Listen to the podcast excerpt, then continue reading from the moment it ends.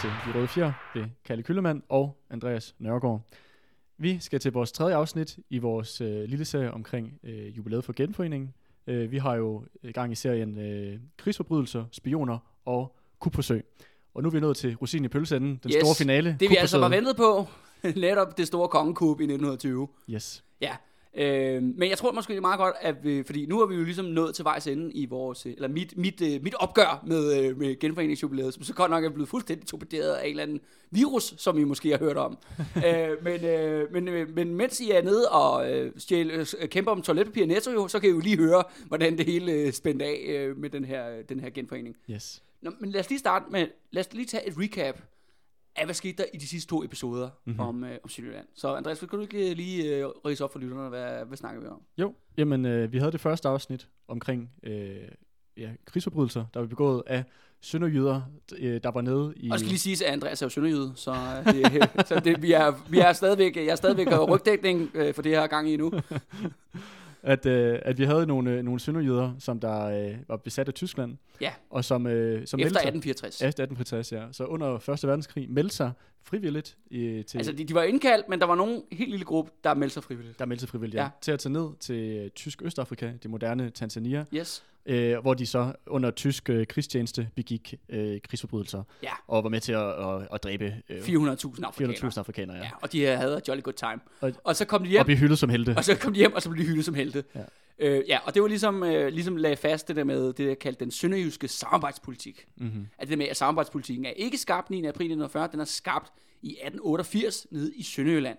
Og blandt andet førte til, at de her sønderjyder, de kæmpede øh, så hårdt på, på tysk øh, krigsside. Mm-hmm.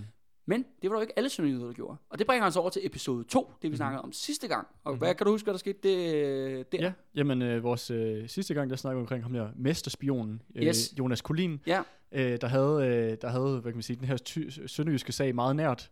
ja Øh, øh, og- det må man sige. Han, han gik i seng med den, vil jeg sige. Det må man sige. på daglig basis. og, øh, og, hvad, og hvad kan man sige, lavede, startede en, hvad kan man sige, en operation, øh, han kaldte det de, de to løver, Ja, når han havde en organisation, der hed De To Løver. der havde ja. to løver, ja, øh, hvor de, øh, hvad kan man sige, øh, gav informationer til franskmændene omkring ja. øh, troppe, hvad kan man sige, militær intel. De fik sønderjyder, der disserterede over grænsen, og, sendte, og gav dem til den franske efterretningstjeneste yes. Og den amerikanske for, efterretningstjeneste. for informationer. for, for information. Yes. Og hans, hvad kan man sige, egen agenda, det var, at Danmark skulle øh, ikke bare tage Sønderjylland tilbage, men skulle helt ned til, Ja. Ejderen og. Dannevirke, Ja. og, øh, og det prøvede han så at pushe meget i de her kri- krigsforhandlinger, fredsforhandlinger, der var efterfølgende. ja, og han kom jo rigtig, rigtig langt. Øh, Det var lige før, Det var lige før. Det var lige før, og han, øh, ja, han var jo del af en vanvittig nationalistisk kreds, hvor blandt andet troede, der fandtes en masse hemmelige sønderjyder nede i, øh, nede i det nordlige, eller undskyld, det sydlige Slesvig. Ja, det gjorde det så ikke. Nej, det surprise, gjorde det, det gjorde det desværre ikke. Men mest interessant er, at vi bragte en person op i sidste episode. det gjorde vi. Fordi at Colin var ikke sin egen chef. Han havde en anden chef. Han havde sådan en rigtig chef. Mm. Og det er en fyr, der hedder Erik Witt. Yes. Som, Og, ja, og i dagens afsnit kommer så til at handle om Erik Witt. ja, Hvem var ham her, der, øh, der sad bag kulisserne øh, og, og, hvad kan man sige, styrede det hele? yes, lige præcis. Øh, ja, og Erik Witt, han er, det, altså, skal jo siges, at det her bliver en rimelig kompliceret øh, episode, det her. Så jeg håber virkelig, I holder tungen lige i munden.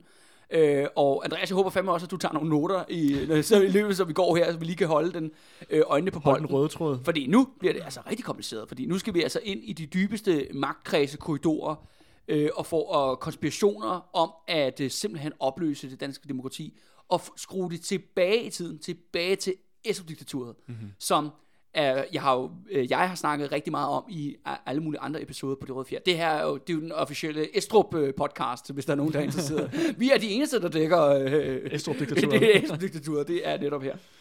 Nå, men så lige for det første. Kongekuppet mm-hmm. 1920. Det er jo ligesom, der er Erik Witt, han er simpelthen en nøglespiller. Han er manden i kulissen, der igennem seks år har arbejdet på, at det her skal ske.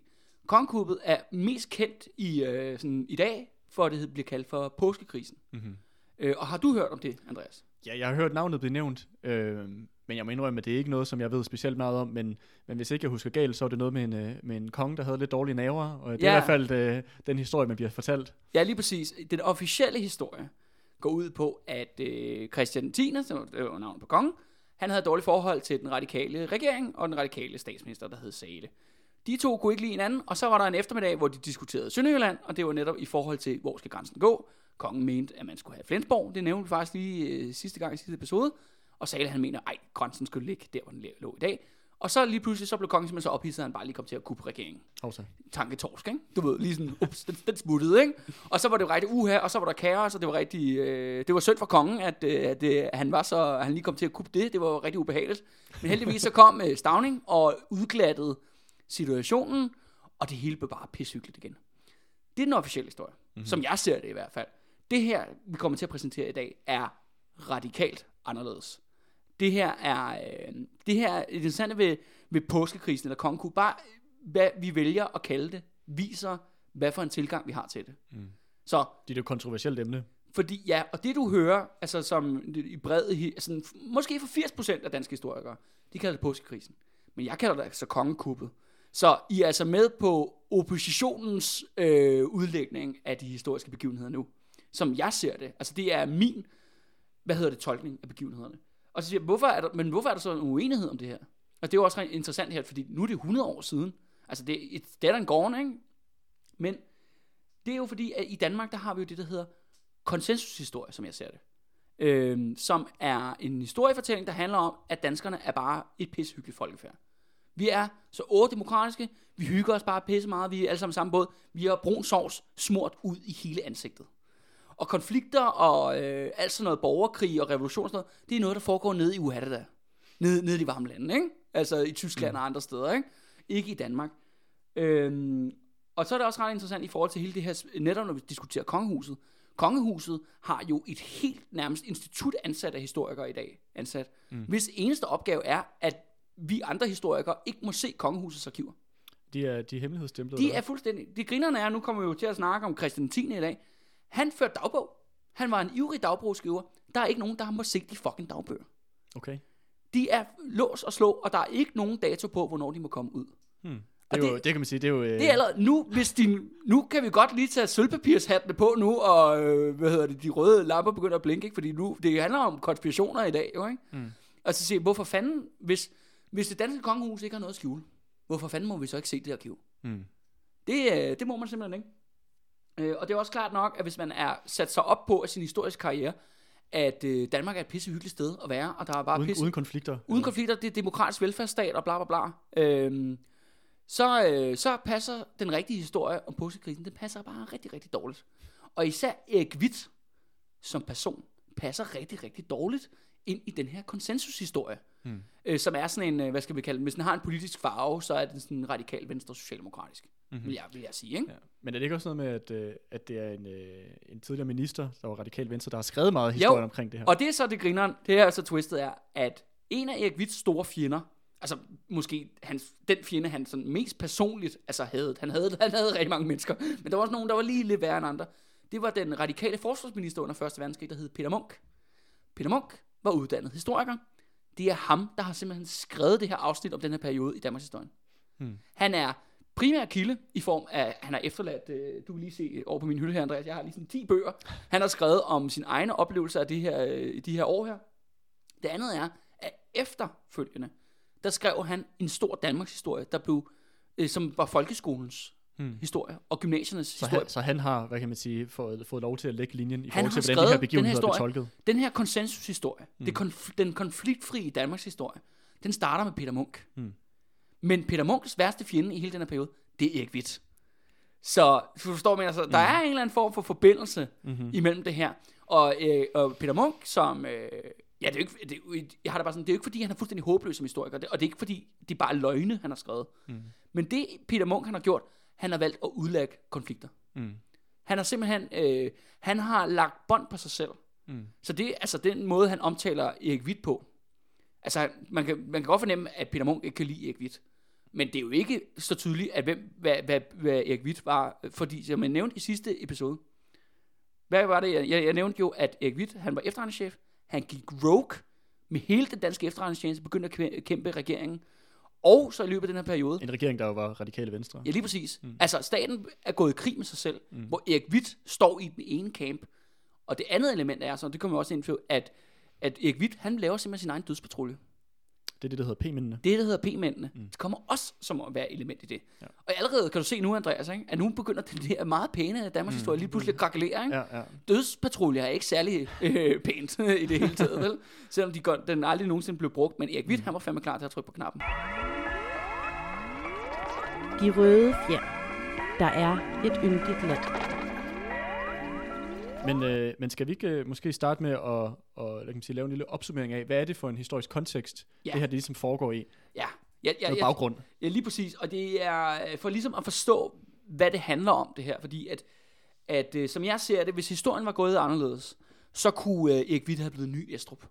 Altså en ny, ny semidiktator i En ny Danmark. diktator, måske et militærdiktatur. Mm. Det tror jeg ikke er, jeg tror ikke det er for langt øh, ude at claim, at det må måske kunne være sket, hvis historien havde været anderledes, det gået det anderledes. Mm-hmm. Men også ligesom forstå, hvad det egentlig handler om den her, fordi at, ja, Sønderjylland og hele det spørgsmål om grænsen, det er det, der udløser øh, kuppet officielt. Men det handler om alt muligt andet.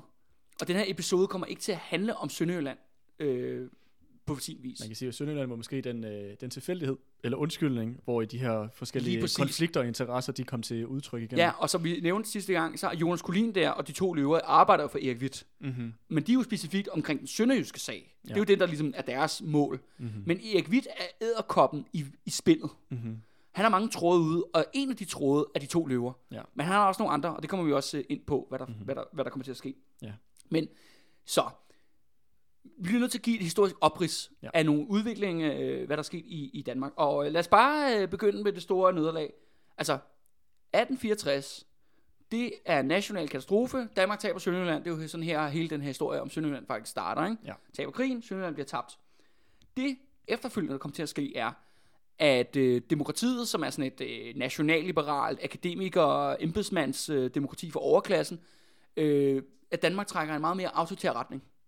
Det er ikke tydeligt i de første år i 1860'erne, hvad der sker, men i 1866, der får Danmark en ny indrigsminister, der hedder Estrup. Mm-hmm. Og han begynder at gøre sig mere og mere øh, gældende, sådan rent øh, inde i apparatet, i po- politiske sammenhæng osv. osv. Så man er, man er kommet ligesom ned på en sti, hvor man havde et demokrati, som ikke, altså, var meget autoritært, vil jeg sige. Altså ikke et demokrati, som vi betragter i dag, men det går peger direkte mod diktatur over en længere proces, mm. som fører til i 1877, at der kan Estrup gå klart ud som rollen som diktator. Han er så øh, Danmarks diktator i, øh, i 35 år mm-hmm. derfra. Med, øh, med, med Christian den 10., der sidder og peger på Ja, ham. som er, hans marker. Ikke? Og jeg igen genhører øh, episoden om Folketingsvalget 1884, genhører øh, episoden om, øh, hvad hedder det, øh, Stormongolen og diktatoren øh, Titgen og, og Estrups forhold. Altså, hvis man har brug for noget mere kontekst Mhm. mm-hmm. til den her, til den her øh, ting her. Ja. Det bringer så 1877, han er diktator. 1885, det er jo der, hvor jeg snakker om, at øh, med folketingsvalget 1884, at Venstre er klar til at udløse en borgerkrig, men bakker ud i sidste øjeblik. Det betyder, at Venstre, altså partiet Venstre, og de, de, de præsenterer, altså bønderne, altså de store gårdejere, mm-hmm. de ophører med at være en effektiv opposition mm. til Estrup-diktaturet. Hvad bliver det for dag? For, Jamen, de bliver, altså, de er jo, altså, for det første bliver de totalt demoraliseret i en lang periode år, øh, efterfølgende. Men de er fuldstændig pacificeret. Oppositionsrollen overgår så til, faktisk til arbejderbevægelsen, vil jeg sige. Den spæde arbejde. Ja, den er meget, meget, øh, men den er up and coming her i 1880'erne. Ja. Så, så vi har stadigvæk diktatur. I 1899, det er det, der øh, man kender den danske model fra, Storlockouten og alt det her, som... Hvor hovedaftalen bliver øh, Ja, indgået. og det, jeg må indrømme, det har fortjent en øh, episode. Jeg vil sige, at øh, det kunne være fedt, hvis øh, folk støtter øh, mig på, inde på 10.dk. Så kan det være, det kommer. Så kan det være, det kommer, fordi at det er sådan øh, lige præcis 1899, der er virkelig brug for noget mere forskning øh, inden på det. Men som jeg ser det, 1899, der prøver diktaturet, altså det, gør, det skal lige siges, at Estrup er ikke officiel statsminister mere i 1899. Han går ligesom af officielt i 1894, men det er stadigvæk ham. Mm. Og alle de folk, han har sat på, på, på det er- magtposterne det er i staten. Estrup, De, øh, Estrup, han trækker alle trådene ind i, sky, i, i skyggerne, ikke? Mm-hmm. Han er, og, og det er jo stadigvæk Christian 9 også. Mm-hmm. Og diktaturet er på alle måder på plads i 1899. Men diktaturet og, altså, og storkapitalen, altså store firmaer, de beslutter, at de prøver, vil prøve at smadre arbejderbevægelsen. De ser den som en trussel, og nu siger okay, vi fjerner den en gang for alle. Som udløste den her store lockout i 100 dage, som fører til massiv sult, og der sker alt muligt. Og øh, jeg vil også våge at påstå, at det bringer Danmark på randen af endnu en borgerkrig, eller revolution faktisk. Mm-hmm. Men det, der så sker, ligesom efter alle de begivenheder, det kunne være en episode for sig selv, mm-hmm. men det vi ligesom kan tage ud fra det, at det der med at smadre arbejderbevægelsen, det slår fejl. Det lykkedes ikke at knægte arbejderbevægelsen og fagbevægelsen. Den eksisterer sådan set stadigvæk fortsat. Mm-hmm. Så det fører til, at inde i systemet, inde i staten, inde i diktaturet, der man tænker, okay, vi kunne faktisk ikke besejre dem der. Vi bliver nødt til at have nogle flere allierede. Vi bliver nødt til at styrke os selv øh, politisk over for den her arbejderbevægelse, som kun bliver stærkere og stærkere. Og det skal så siges, mm. medlemstallene vokser, og Socialdemokratiet får flere og flere folk i parlamentet. Folk, folk går, øh, flytter fra, fra landsbyerne ind i byerne og bliver en del af arbejderklassen. Ja, lige præcis. Og det styrker den organisation, den del af, af, af, det, af Danmark, det styrker bliver helt vildt, går kun fremad, fremad, fremad. Og, og øh, ja, det fører til, at i 1901, det er jo så igen, det kunne også være en episode for sig selv, øh, fordi at øh, det officielt bliver det kaldt systemskiftet, systemskiftet, fordi Venstre danner regering første gang. Jeg kalder det jo øh, paladskuppet. Paladsrevolutionen. Og det er du nødt til at forklare, hvad et palads Ja, ja, altså, øhm, altså paladset, det er jo, det er jo Amalienborg. Mm-hmm. Øh, basalt set, der handler det om, at yngre familie, familiemedlemmer i kongehuset, de, øh, de ligger så meget pres på en meget, meget gammel Christian 9. nu. Altså, nu er han tusse gammel, ikke? Er det Christian, øh, ja, Christian 9? Ja, ja, det er altså ham, der var konge under hele estrup ja, ja. Han er blevet pisse gammel nu, og de ligger pres på, at man siger til, her, her, far, far, far, whatever. Mm. Øh, du bliver nødt til at skille af med Estrup. Og det gør han så. Og så, øh, og så er, der er nogen, der trækker i tråden i kulisserne, og det er en fyr, der hedder H.N. Andersen. Ham kommer der mere ind på. Mm-hmm. Han er leder af noget, der hedder ØK. Og hvad står ØK for? Det står for Østasiatisk Kompani. Okay, så og det, det er Danmarks største handels, virksomhed. Handelskompani. Danmarks største virksomhed. Ja. Og han har nogle tætte samarbejdspartnere med jøderne i Landmandsbanken. Okay. Som er så Isak og Emil Glückstadt, mm-hmm. som er ligesom de to direktører i denne mm-hmm. periode.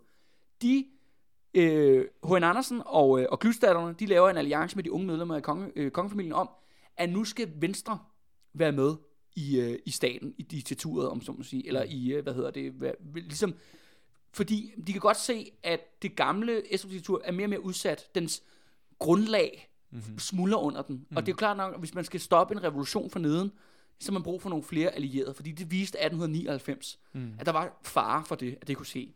Så derfor øh, laver man sådan en manøvre og siger, jamen hør her, Venstre skal bare være med inden og blive politikere, fordi vi skal bare kompere dem. Det siger de bare. Vi skal købe Venstre og sørge for, at de bliver en del af klubben. Mm. Altså storbønderne. Stor, ja, ja. Ikke, ikke de små husmænd. Nej, nej. Storbønderne, mm. som er præsenteret af partiet Venstre. Mm-hmm. Og det er det, der sker i, i, i 1901. Mm-hmm. Og jeg kalder det paladskup, eller paladsrevolution, eller hvad du kalder det, ikke? Fordi det er, sådan, det er kun manøvrer noget ting, der foregår ind på Amalmborg. Mm. Du ved, der er jo ingen masse demonstrationer, eller noget som helst. Det er bare en... Det er eliten, der udvider sig. Det er en elite, der ligger meget massivt pres på Christian 9. om at fjerne Estrup. Og Estrup, han ryger så ud herfra. Altså, Estrup er så en færdig mand i dansk politik. Okay. Altså, man sige, altså, han er ude, men alt andet er på plads. Mm. De er stadigvæk de, de samme dommere, de samme politifolk, de de samme officerer, de samme departementchefer. Alt andet i Estrup fortsætter ind nu er det bare Venstre, der danner regering i stedet for. Okay. Øh, men det betyder også, at Danmark er, øh, at hvem er de reelle herskere i Danmark på det tidspunkt? Jamen det er H.N. Andersen. Fordi at, at øh, mange ledende venstrefolk, de er en del af ØK. Så de sidder i ledelsen der? De sidder i bestyrelsen. Mm-hmm. De er aktier, og de har også, al, og de har altså også penge i Landmandsbanken. Mm-hmm. Så Landmandsbanken og ØK til sammen, som stor kapitalistisk virksomhed, de styrer Danmark. Mm. Det er dem, der bestemmer. Og Venstre er bare sådan en dummy-regering i hele den her vej igennem, ikke? Hmm. Selvom, selvom det er et nyt hold af politikere, hmm. der er kommet her. Ikke? Var det ikke også det, som øh, vi nævnte i sidste afsnit, at britterne, at de også øh, sagde, fuck alt det der med at, at lave spionarbejde med Venstre-regeringen. Ja, ja, de, de, dem, der... de, de, ja, de sagde jo netop, øh, de sådan, fuck Erik Witt, det var egentlig det, de sagde, og Jonas Kolin og sådan ja. noget. Det var lige meget, det det hele handler om, at det, det var for fat i H.N. Andersen mm. og jøderne i Landmandsbank. Ja. Det var det eneste, de sagde. Ja. De så netop magtrelationen meget, meget tydeligt for, hvad den var. Ja, så det var mere bare for at sige, det er ikke, det er ikke os, der påstår det her. Britterne. Nej, nej, nej, nej. og, og, det er jo, her, og det kan man læse i mange andre historiebøger. Altså, Danmark er fra 1901 til omkring 1923, der er H.N. Andersen Danmarks reelle magthaver. Mm. Altså han er sådan, han er shadow statsminister på alt. Mm-hmm. Men han er ikke ligesom Estrup, forstår man. Han er ikke, han er ikke en diktator ude i det åbne. Nej, nej, det er bag kulissen, det er ja, ja. den økonomiske og, og det er især han meget, meget tæt forbindelse til Christian 10 og til kongehuset som en kerneinstitution i det her. Ja. Han styrer hans styrelse af det konservative folkeparti og Venstre i parlamentet. Mm-hmm. Og hans forbindelser, han har også super gode forbindelser til den radikale regering, og han har gode forbindelser i Tyskland, han har gode forbindelser i England, i det russiske hof, Sarhof, altså overhovedet pris. Ja. Han, jeg lover, jeg har sagt det faktisk før på podcasten, han skal nok få sin egen episode en dag. Ja. Øh, det har han fortjent, ikke? Ja, det, bliver, det bliver spændende. Ja, ja han, han blev kaldt den, øh, den hvide elefant, ikke? Så det skulle jo hedde sådan, den hvide elefant, ikke? Mm-hmm. Nå. Okay. Så. Venstre, den er regering i 1901. H.N. Andersen er faktisk ham, der bestemmer. Øh, I 1905, der bryder de radikale, det radikale venstre ud, ud af venstre. Det radikale venstre er en gruppe akademikere, som gerne vil lave reformer. Mm. Altså demokratiske reformer, progressive sociale reformer osv. osv. De har et projekt om at sige, at vi skal lave en alliance med Socialdemokratiet, hvor det handler om, at øh, vi skal sørge for, at Socialdemokratiet stopper med at være revolutionært. Vi skal trække dem til højre. Mm. Det er deres politiske program. Øh, og det er jo sejret helvede til, må man sige. re- retrospektivt. Mm. Men, øh, men 1905, da det brød ud, der har de ikke faktisk mange chancer. Det går faktisk pisse dårligt for dem i starten. Bare sådan, Venstre er bare sådan, ja, fuck det. Sådan, men de radikale venstre, sådan, jamen, de, er sådan, de har den idé om, jamen, vi skal jo bekæmpe dem, diktaturet jo. Vi skal jo stå, vi skal jo have et rigtigt demokrati i Danmark. Men det afviser resten af Venstre. Det vil de ikke have en skid at være en del af det der. Okay. Men det går dårligt for det radikale venstre, de har ikke mange chancer. Men så fra 1908, der bliver øh, Venstre øh, rystet af en række kæmpe politiske skandaler. Uden at vi skal gå ind i det. Men det fører til massiv politikerlede over for, de radika- øh, for, for partiet Venstre. Ja. Og det vil så sige, at der er faktisk alternativ nu. Det er radikale, venstre. Ja.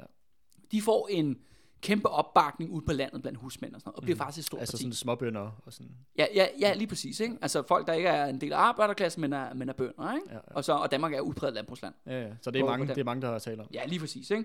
Øh, og der, øh, man bliver så kastet ud i en øh, politisk øh, kaotisk periode mellem øh, 1908 til 1913.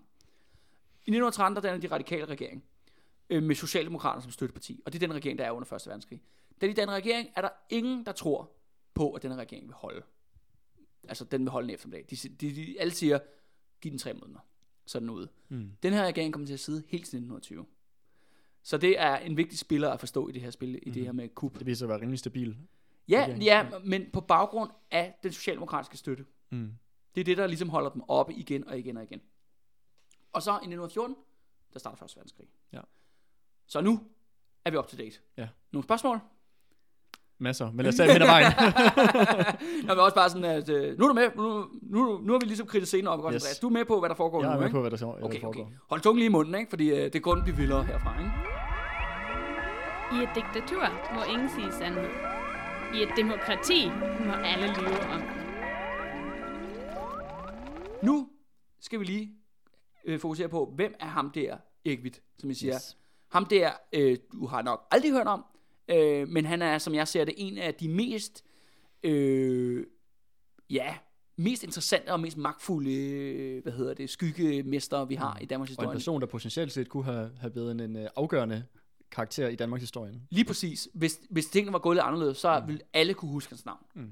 Øh, men han er sådan en af dem, men det skal også siges, at han har jo slettet sporene efter sig selv som efterretningschef, så det er også derfor, at øh, han ikke er så kendt, tror jeg, i offentligheden mm. i dag. Ikke? Og det er også igen, hey, øh, du ved, øh, vi, hvis der var flere, hvis for, folk gad at øh, støtte op, så kunne der også blive mere tid til Erik Witt, fordi det er også et område, der skal forskes mere i, Mm. skal det siges. Han, der er mange ubeskrevede sider af Erik Witt, som vi ikke, øh, vi ikke kender til godt nok. Så, Erik Witt, hvem er han? Han er øh, karriereofficer, basalt set. Han kommer fra sådan en karriereofficers familie. Altså hans farfar øh, var med til at danne generalstaben, for eksempel. Okay. Eller Så han er- oldefaren, eller sådan noget. Så han har militæret tæt, ja, tæt ja, ind på han, livet. det er, øh, er i hans blod, og, øh, og hans far var, øh, hvad hedder det, anklager ved højesteret. Okay. Så du Så ved, det, det er noget ved, øh, de, Ja, ja, det er ikke de- øh, hvem som helst, han kommer de fra. er noget, de er noget ved øh, musikken. Han går en helt klassisk øh, officerskarrierevej, og det skal jo så siges, at øh, når man, man... Hvem går han i klasse med, da han går på officerskole? Jamen, han går i klasse med ham, der skal blive til Christian 10. Hmm. Så der er, de er gamle ungdomsbodies. Mm-hmm. Og det skal forstås med Christian 10. Han så jo sig selv mega meget som officer. Ja. Du ved, det er ham, der er kendt for, at han rider rundt på hest i uniform. Ja. Det har du nok øh, Ja, ja. set, ikke? ja, ja, ja. Så Så de er buddies. Ja, og øh, Christian er udpræget militærmand. Og Erik Witt, hvis der er nogen, der er militærmand, så er det fucking Erik Witt. Ikke? altså, han lever ånder for det danske militær. Ja. Og i 1911, der, bliver, øh, der er, har Witt øh, rangen af kaptajn, og der bliver han udnævnt til chef for det, der hedder E-sektionen, Mm-hmm. efterretningstjenesten. Altså, og fra 1911 til 1920, der er Erik Witt den centrale bagmand i at prøve at forsøge at kvæle de radikale venstre og arbejderbevægelsen med Socialdemokratiet i spidsen. Hvor, hvor, så, hvor, hvorfor er det, at, øh, at Erik Witt og, øh, og de radikale venstre og Socialdemokratiet, at de er så meget på klingerne af hinanden? Jamen, altså, det er jo... Det handler om, basalt, hvis vi snakker om det med Erik Witt, altså, han er, det er jo ikke, fordi han er ude, at sige sådan ret, jamen, jeg vil gerne have Estrup tilbage, hvis jeg kunne. Men det er jo det, de tænker på. Det er jo mm. den politiske tendens i det der miljø. De vil gerne tilbage til den der Øh, Der skal være orden på tingene. der skal være, nej, men det skal være det der overklassesamfund. Det skal være styret overklassen. Og øh, de radikale er jo sådan en flok... Øh, og det skal også sige, at de radikale er jo sådan, også sådan rimelig privilegerede. De, kommer sådan, de er alle sammen akademikere, for eksempel. Ikke? Men de er jo klasseforrædere i Ekvits øjne. De har jo forrådt den, den nationale sag. Øh, øh, og den økonomiske sag, fordi de går ind for sociale reformer, udvidelse af demokratiet. Mm-hmm. Arbejderbevægelsen øh, øh, hovedpunkt er jo bare sådan, respektere grundloven. Det er jo det, Socialdemokratiet bliver ved med at sige. Sådan, der er en grundlov, der er nogle demokratiske rettigheder, den ytringsfrihed, forsamlingsfrihed, organisationsfrihed, hvilket reelt set ikke eksisterer mm. i Danmark. Så Og folk, som ikke ved, øh, vil ikke have de her ting, de kommer til at blive Lige præcis. sige, øh, realiteter. Ja, lige præcis. Og det har man jo så forhindret med alle mulige øh, fiksfakserier og direkte undertrykkelse. Ja, ja. øh, basalt set. Øh, og det er også det, med, de ser det jo som en trussel. De ser jo, øh, de ser arbejdervægelsen som revolutionær, som samfundsomvæltende, samfundsomstyrtende af alle de, du ved, og kirken, staten, nationen, Privat ejendomsret. lige præcis, Hele. alle, alle de ting, der er vigtige, ja. og de ser de radikale som overløbere, mm. som forrædere for, for overklassen i Danmark, ikke? Mm-hmm. Og det er, øh, så det er, kan man sige, der er det politiske, øh, hvad hedder det, imellem dem, Der er uenigheder der. der er uenigheder der. Der er også det der element med, at de radikale venstre og Socialdemokratiet er jo militærmodstandere. De vil simpelthen øh, skære militæret væk. Okay, og hvis du er, hvis du er kaptajn i militæret, så er ja, det klart. så er det, ja, så er det også et rigtig øh, dårligt udgangspunkt for din ja. karriere. Ikke? Ja. Og det skal så også siges jo, når vi netop nærmer os her første verdenskrig, det danske militær, det der hedder, sikring, det hedder sikringsstyrken, det er den største her i Danmarks historie. Okay, hvorfor, hvordan kan det være, at den er så stor? Nu går vi lige tilbage igen. efter 1864, kæmpe stor militær nederlag. Estrup kommer til ret kort tid efter.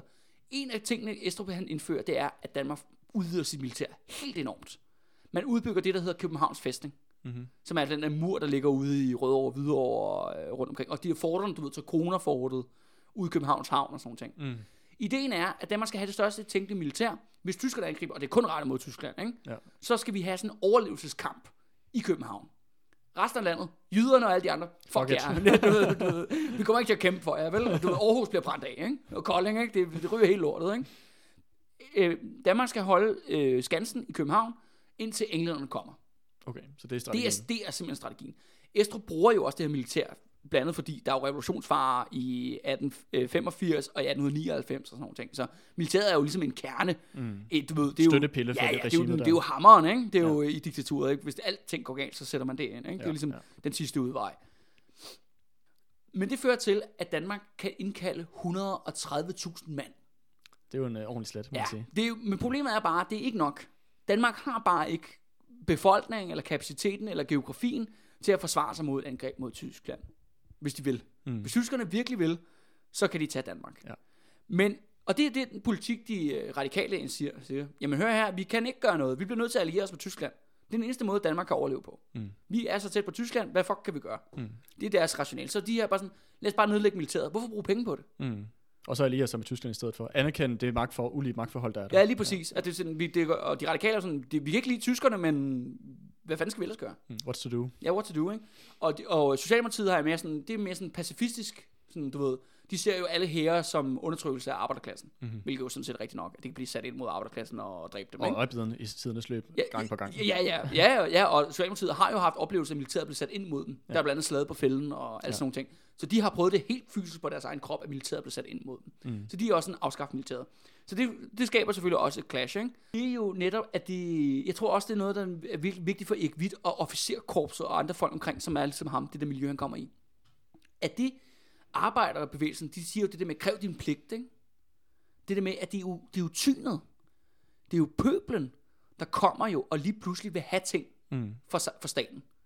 Du ved, de vil ikke lade, de, de taler jo meget om, at det med, at folk er blevet, øh, de har ikke nogen værdier. Det er meget, de siger, de har ikke nogen værdier. De tror ikke på nationen, de tænker kun på materielle ting.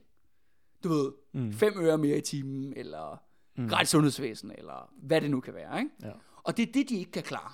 Mm. Du ved, det støder dem så meget på manchetterne. Og du ved, og Jonas Collin, som vi snakker om sidste gang, han er det samme jo. Ja.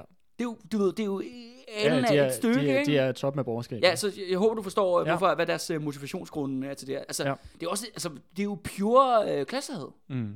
Basalt set. Det, det sidder ned i Erik Witts uh, lille krop, ikke? Ja, Du ved.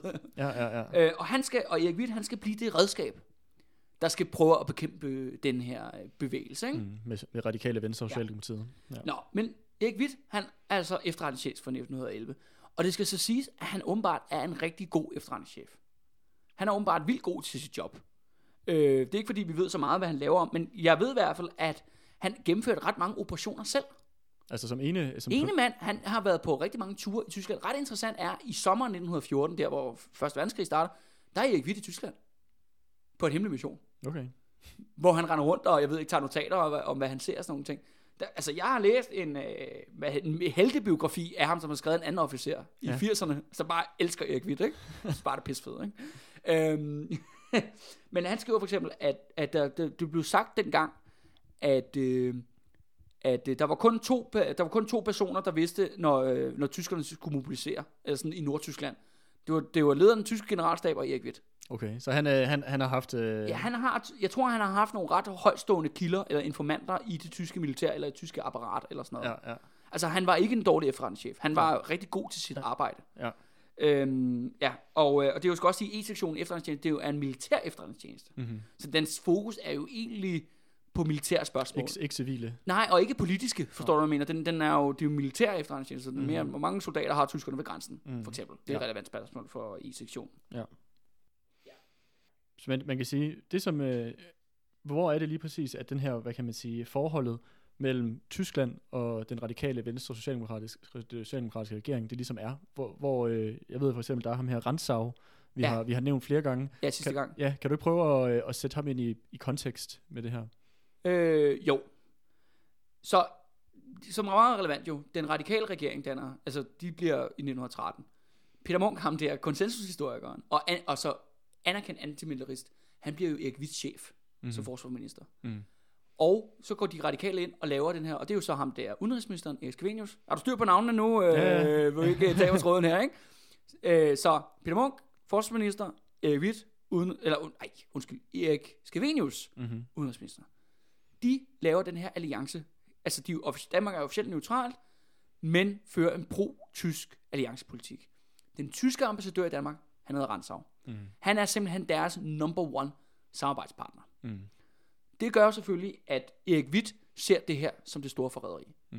Øh, Erik Witt er antitysk. Han, er jo, han støtter jo op om Kolin, så han vil også have Danmark til ejden, skal det også lige sige i forbiparten, ikke? Ja. I hele det der Sønderjyllands spørgsmål. Mm-hmm. Han er også mod de radikale, hvad de står for politisk. Han er mod arbejdervægelsen, hvad de står for politisk. Og han er mod deres valg af allierede. Ja, lige præcis. Ja. Ja. Han, er mod, han hader Peter Munk intenst, fordi mm. det er jo en mand, der vil nedlægge forsvaret Ja. som er forsvarsminister. Og det skal jo siges, at da Første Verdenskrig starter, den danske her bliver mobiliseret. Alle mænd bliver indkaldt. Mm. Du, vi har aldrig haft så mange mænd under våben, ikke? Altså, du ved, det vælter rum med soldater i København. Ja. Hele Danmark, øh, København er en fæstning. Mm. Øh, så det er jo også et paradoks, at den antimilitarist, øh, og så Erik Witt, som er så klar øh, militærmand. Og så ser han så, at de radikale går ind og laver den alliance her med Ransau, det tyske ambassadør. Det gør jo så, at han ret hurtigt øh, beslutter sig for, at han vil bekæmpe regeringen. Mm. Og som jeg sagde i sidste episode, han går broke. Og, så det er sådan set allerede her, det er ikke igen bare for at, man sige, at, at, at dræbe lidt den her øh, konsensusmyte omkring øh, kongekuppet eller postekrisen. Er det Ja. ikke noget, der bare kommer spontant? At det er noget, der starter øh, hvad kan man sige, allerede tidligt og kører over mange år? Og det er jo også her, det kommer i spil, fordi at Erik Witt og folk omkring ham, kong Christian 10., og det de unge spotters, ikke? Det skal mm-hmm. vi Mhm. lige skal huske hele tiden. Ja, ja. De begynder allerede at planlægge kup i sommeren 1914. Mhm. Mm-hmm. I juni 1914 er det første gang, at jeg kan se på de her øh, forskellige kilder, at det kommer op. Mm. Så seks år inden kuppet. Så seks år Ja. inden. Og det kommer så af, fordi at de har bare sådan, de vil ikke have den radikale regering, men fordi den parlamentariske situation er kaotisk, og det er sådan lidt, jamen det er jo kun Konstantin, der har magten i sidste ende. Mm. Altså, du ved, det er sådan, de tænker det. Du ved, staten kan jo godt overleve med, at der kommer nogle, du ved, nogle reformatorer ind en gang imellem, bare så længe de ikke får gennemført noget. Så er det jo fint nok, at Ja, du ja. ved, så kan man godt have en radikal regering. Og det havde man allerede tilbage i 1909, der havde man prøvet det en gang før, ikke? Okay. Og der skete ikke en skid. Mm. Der fik de med den, som det ville, så tænkte jeg, ah, den er regering, det er fint nok og sådan noget. Men så kommer den der, ja, første verdenskrig starter jo. Og det er jo, her skal mobiliseres og alt muligt. Og så siger jeg, så vi ikke have en radikal regering. Vi bliver nødt til at fjerne den. Vi bliver nødt til at, kuppe den. Vi bliver nødt til at komme af. Det er jo ikke, det er ikke fordi kub er det første, de tænker. Men de tænker også, nah, men kan man ikke øh, fjerne det på parlamentarisk vis? Mm. Du ved, øh, hvis de konservative og venstre får flertal, ikke? og så danner de en regering i stedet for, for dem mm. kan man bedre stole på, for de er jo en del af apparatet jo. Ja, ja. Konservativ er jo Estrup's gamle øh, parti. Venstre er gået med i den her alliance fra 1901 af. Mm. Og de er alle sammen øh, tæt forbundet med H.N. Andersen Ja, og, lige præcis. og, hans, og, hvad kan man sige, og de store virksomheder. Ja, og H.N. Andersen, han har jo kongen i sin baglomme. Mm. Kongen, han gør alt, hvad H.N. Andersen siger. Fordi han jo netop, fordi H.N. Andersen, det skulle, han er jo meget ældre jo, skal det sige, H.N. Andersen. Så han var med til at gennemføre den her paladsrevolution i 1901, da Christian den 10. var en ung mand. Mm. Og det har præget ham lige siden jo. Ja, ja. Ikke? Så, så, ligesom, så man også ligesom er den med mængde. Man kan sige, Men- hvad, er det så, hvad er det så, der forhindrer dem i at lave det her kup allerede her i, Ja. øh, i 14? Ja, ved du hvad, jeg elsker. Det var lige det spørgsmål, jeg gerne ville, øh, ville have, Andreas. Det- Du gør det simpelthen så godt. øhm, det er den tyske alliance. På hvilken måde? Hvad er det, der forhindrer det? det? Fordi at ret hurtigt, man begynder at tale om de her, øh, hvad hedder det, vel, kom af med regeringen, kup, parlament, på parlamentarisk vis, whatever, hvad ever der skal til. Men så kommer krigen jo, i august. Mm-hmm. Ikke? Du, har, du begynder at snakke om det i juni, i august 1914 har du krigen. Ret hurtigt går Erik Scavenius ind og laver den her alliance med Rantzau.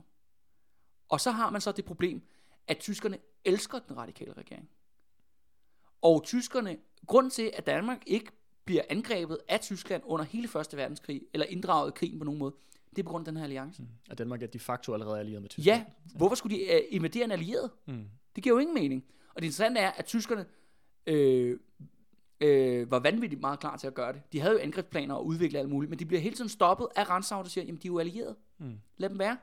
Og ret interessant var, at det, at det rationale kongen og Erik Witt kommer frem til, jamen hvis vi vælter regeringen, så angriber tyskerne. Mm. Og Erik Witt fik positiv information, at det ville det, der var ske. Ja. Der er blandt andet, altså, det er lidt et sidespring her, men i, øh, i, øh, i, øh, i, i, i, undskyld, i, i 1916-1917, der begynder krig, øh, regeringen at opleve en række kriser, blandt andet om Vestindien og alt sådan noget. Ikke? Mm. Så Som det- det bliver solgt til USA. Ja, ja, som det ikke skal handle om lige nu. Men ret, den tyske generalstab begynder at frygte, at der vil komme en højorienteret regering, altså med venstre eller konservative, Ja, og, øh, og de begynder at planlægge angrebsplaner. okay. Og i 1917 mobiliserer de altså en armékorps til at indtage Danmark, okay. der står klar. Så det er ikke, det er ikke hvad kan man sige, en, Det er ikke øh, kun det, noget, Det er der- ikke, ikke en ubegrundet De frygt. var meget, meget klar til at gøre det. Så det er klart nok, så det er også været med til at styrke den radikale regering. Mm.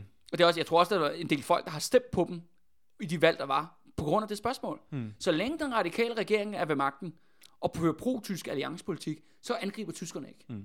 Og det er det, som, øh, som De forhindrer Erik, og som Erik Witt, de og kongen ja. i at kuppe dem. Ja.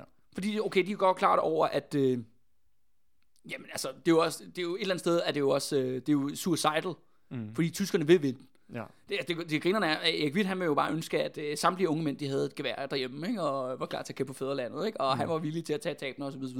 Men han er også realistisk nok til at indse, at der, i, sådan en, i sådan en krig, så vil Danmark tabe jo. Ja, ja, ja. Altså, der, altså København vil blive jævnet med jorden jo. Mm. Altså, og britterne vil ikke komme. Og britterne sagde det mange gange, vi kommer ikke.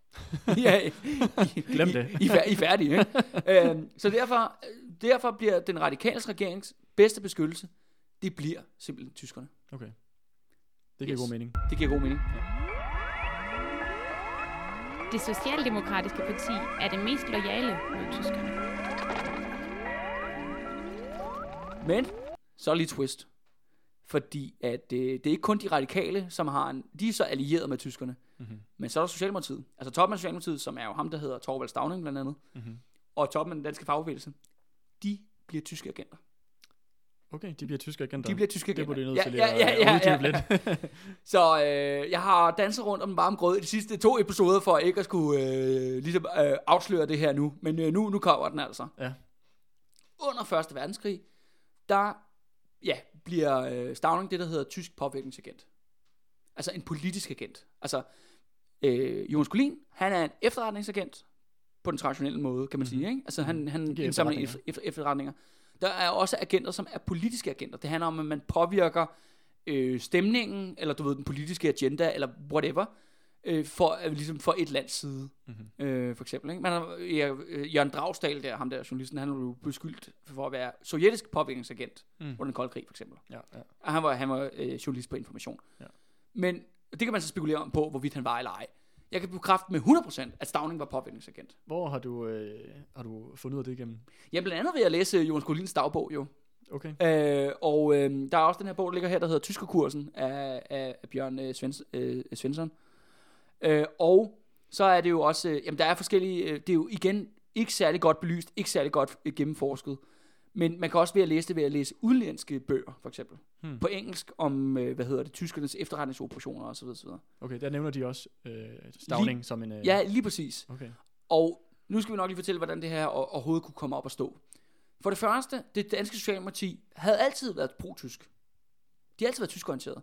Man skal tænke på, at det største socialdemokrati i Europa på, i denne periode, det lå i Tyskland. Mm. Så tyskerne var det store forbillede. Stavning har jo været på vanvittigt mange rejser nede i Tyskland jo. Og de tyske øh, topfolk, der var, de var jo ligesom, det var jo dem, man så op til. Mm-hmm. De var ligesom førende af arbejderbevægelsen. Mm, ja, en international. Lige, ja, Ja. ja, det er som den socialdemokratiske internationale hed, ja, ikke? ja. Så det blev jo ligesom set, de var de gode venner, så der var jo allerede en forbindelse, altså sådan personligt og politisk, Ja, ja. mellem de her to lande. Og så kommer krigen, og Socialdemokratiet er sådan pro-tysk. Mm-hmm. Siger, jamen, jamen, det er ikke tyskernes skyld, at krigen starter, for eksempel, siger de.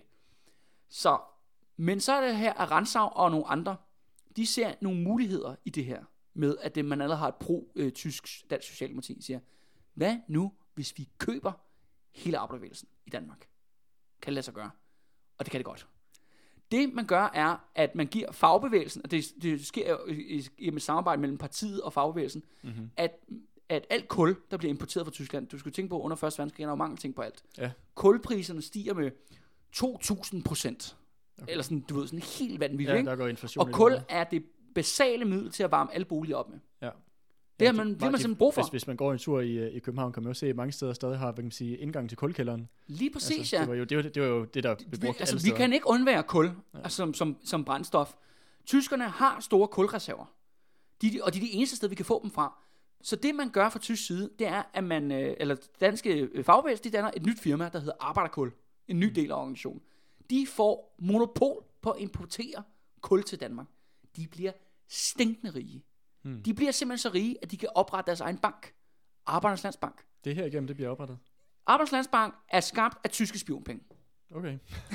Til alle jer, der har den bank. ja. Og det er jo ikke fordi, altså nu har vi jo snakket meget om Landmandsbanken i andre episoder og sådan nogle ting, men Ja, ja, ja. ja. Alle, alle bankerne, de har en beskidt historie, ikke? Ja, ja. Eller ved, jeg har også snakket om Titgen, der startede Nordea, ikke? Og, Ja, ja, ja, ja, nu, ja. og så er der så Landmandsbanken, og nu har vi fem års Arbejdslandsbank. Ja. Og Arbejdslandsbank, den bliver skabt ud i den her kæmpe efterretningsoperation.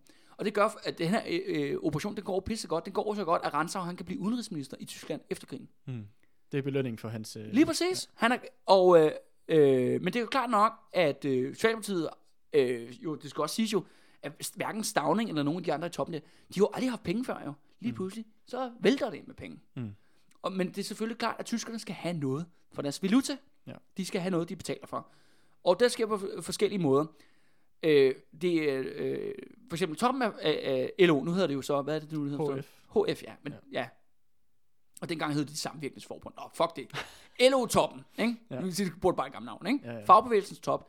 De er blandt andet på sådan en propagandatur i 1915, hvor at de besøger besat Belgien. Og i besat Belgien, det er jo tyskerne, der er besat det, ikke? Ja. Tyskerne øh, har indført tvangsarbejde. De skyder 5.000 gisler. Altså i Belgien. Det er sådan en terrorbesættelse, de har. Der bliver øh, toppen af fagbevægelsen sendt rundt på sådan en tur, hvor de skriver sådan en, Ej, der var simpelthen så hyggeligt dernede. Du ved, de bliver jo bare sådan fuldstændig... Der var muligt frit, og der var... Ja, og folk de hygger sig og spiser vafler på fritter og sådan noget, ikke? Du ved, bare sådan øh, øh, fuldstændig propaganda for den tyske krigsmaskine, ikke? Ja. Det er så en ting, de gør, som de spreder sådan en historie. En anden ting er, at Stavning og andre top socialdemokrater, de begynder at agere som, øh, hvad skal vi kalde diplomatiske agenter for Tyskland. De tager kontakt til svenskerne, de tager kontakt til russerne, og de tager kontakt til britterne. Hmm. Så, fordi det er jo klart nok, at i sådan en krigssituation, englænderne og tyskerne bekriger hinanden, og franskmændene og alle sammen bekriger hinanden, men det er meget godt at have nogle backchannels. Ja, ja. De, lokale, de, de normale øh, kommunikationskanaler. Ja, ambassadørerne er sendt hjem, alle de normale kommunikationsveje er brudt ned. Hvem kan udfylde den rolle? Det kan Stavning, Hmm. som leder af, af arbejdervægelsen i Danmark. Så han fiser altså rundt til alle mulige europæiske hovedsteder på tyskernes vej. Ja. Og fører øh, øh, tysk alliance, øh, alliancepolitik, eller øh, diplomatisk øh, politik. Hmm. Socialdemokratiet er effektivt i den tyske blok. Men af nogle andre årsager end den radikale regering. Ja. Det håber jeg er, Ja, ja men det er er, blevet er klart. klart. Men det vil sige, vi har så, hvis man bare lige skal oprise, vi Ja. har indtil videre har vi, øh, vi har to fraktioner, hvis man kan sige det på en måde, Ja. som der med, som, som er, eller to lejre. Ja. Vi har øh, Erik Witt i den ene lejr, som står sammen med H.N. Andersen og, og kongen, for den til skyld, Ja. øh, Christian den 10. Og så i den anden lejr, der har vi så den radikale venstreregering, og øh, Socialdemokratiet, som er, som er, for, er, hvad kan man sige, forskellige årsager er på samme side. Ja. Øh, og det er så de to, hvad kan man sige, fløje, øh, vi har som inden for statsapparatet, øh, Ja. som, er, som er i konflikt med hinanden, Ja, lige præcis. og har forskellige interesser. Ja, og det skal så sige, sige at Erik Hvidtfløjen er jo pro-britisk. De er pro-britiske. Ja, og det var jo blandt andet det der med, at Erik Hvidt, han, stopper, han går jo rogue og stopper med at give efterretninger til den radikale regering. De Mhm. kan ikke få nogen information. Til gengæld så giver Erik Hvidt tonsvis af efterretninger til den britiske, det britiske militær. Mm. Han er bare en stor sig, ikke? Og det er også det, som jeg, som jeg nævnte i sidste episode, at det fører simpelthen til, at tyskerne, at øh, det radikale venstre bliver nødt til at importere det tyske efterretningstjeneste til Danmark, Ja. for at få efterretning. De røde fjer. En rigtig kammerat går ikke hjem før midnat. Yes. Jamen, øhm, Kalle, du nævnte her lidt tidligere noget omkring nogle p-mænd og nogle akademiske riffelkorps. Ja, akademisk riffelkorps, ja. Ja. Akademisk riffelkorps, ja. Jeg ved ikke om, øh, hvad, hvad er det her? Kan du ikke fortælle lidt omkring dem? Ja. Øhm, altså nu kan man sige, har vi lige sat fast jo, at øh, Erik Witt og kongen og alle de andre, der ligesom er med i den der, øh, hvad hedder det, konspiration, H.N. Andersen. ja, som er med, vil gerne være af med den radikale regering og, og Socialdemokratiet, ikke? Fordi at, ja, blandt andet fordi de tyske agenter. De kan ikke gøre det, så længe at Tyskland, du ved, er stærk. Mm. Men, som vi ved jo, så taber Tyskland jo Første Verdenskrig. Så hen i løbet af sådan, mod slutningen af krigen, det er mere og mere tydeligt, okay, det vil være, når tyskerne er væk på et eller andet tidspunkt, hvad, så er det nu, ligesom, at kuppet skal finde sted. Mm-hmm. Og øh, til den proces, så øh, der forbereder Erik Witzer. Så han gør ligesom to ting. På den anden side er han øh, leder af noget, der hedder Akademisk Riffelkorps, som vi lige nævnte, som er sådan en frivillig organisation af tidligere folk, der har været militæret, som øver sig med maskingevær og sådan nogle ting. Akademisk Riffelkorps er basalt set det, der bliver kaldt et frikorps. Mm-hmm. Hvis man kender lidt til tysk historie, så ved man jo, det er Ja. der nazibevægelsen startede. Ja. De startede de her frikorps. Det er basalt set det, akademisk riffelkorps er. Det er folk, der er politisk motiveret til at bekæmpe øh, demokrater, øh, øh, arbejdervægelsen, whatever. Så det er sådan protofascister. Ja, men, men de er mere sådan en national-konservativ snit, ikke? Okay. Og så er de antityske. Det er ja. også en meget vigtig pointe. Ja. Øh, at de ikke er nazister, fordi... At, eller, Nej, der, nej. der er ikke noget, der hedder nazister på Nej, det nej, nej, nej. Men Ja. så bare lige så vi er med på den politiske agenda her, ikke? Ja, ja, ja. Det andet er så, at øh, man op, det kommer vi til lige om lidt, der opstår en række problemer ind i den danske her. Men det fører til, at man har problemer med, at hvem kan man stole på, også i en eventuel magtkonfrontation, altså i tilfælde af ja, et statskup, hmm. eller en revolution, eller en opstand, eller whatever. Det er urolige tider her mod slutningen af 1. verdenskrig. Der laver Erik Witt det, der hedder P-mændene. Og P-mændene er basalt set, at man kigger ned igennem øh, ja, de yngre officerer, du ved, løjtnanterne og underofficererne, sergeanter og så videre, så videre. Og så har man så, Erik Witt, han sidder jo som efterretningschef, og han har, jo til, han har jo al information tilgængelig til sig selv, alle dokumenter om alle soldater, der nogensinde har været inde. Både dem, der er aktive, og dem i reserven. Hvis Erik Witt mener, at han kan stole på dem politisk, så bliver der sat et lille P på deres dokument. Hmm. Og P'et, det står for pålidelig. Okay. Så politisk pålidelig. Ja. Og, øh, og de bliver så, øh, hvad hedder det, og de bliver så, ja, får besked på, at de skal samle sig gemme deres våben og sådan nogle ting. Ja. Så det er basalt set, at på den ene side har Erik Witt et frikorps, og på den anden side har han dødspatrulje. Hmm. Det er øh, simpelthen, han er, er simpelthen klar til i sidste ende, hvis alt andet går galt, at ligesom have den her i baghånden. Mm-hmm. Altså simpelthen ro, magt og øh, ja, nedskydning af folk. Ikke? Ja. Og øh, at det skal også være meget, meget tæt på, at han aktiverer nemlig P-mændene. Men det kommer vi så til nu, fordi at øh, da første verdenskrig slutter, tyskerne taber jo ret så stort, så åbner det muligheden jo op for det her kup og fjerne den her regering. Mhm. Men problemet er bare, nu opstår der en ny fraktion, som, alle, som netop skaber en alliance imellem det radikale regering og Socialdemokratiet og kongen og Erik Witt og den her øh, anden kreds. Hvad er det for en fraktion? Ja, hvad er det for fraktion? Jamen det er, hvad skal vi kalde dem, de revolutionære kan vi kalde dem, eller syndikalisterne med mere, eller mm. på den måde. Og det gør, at, øh, ja, fordi det er en meget, meget stor, øh, hvad hedder det, episode det her med mange bolde i luften, ikke? I 1917 over i Rusland, der er der noget, der hedder Oktoberrevolutionen. Mm-hmm. Det skaber det, der hedder so- Tsar-Rusland, det er Sovjetunionen. Mm-hmm. Den her Sovjetunionen vil gerne udsprede verdensrevolutionen. Yes.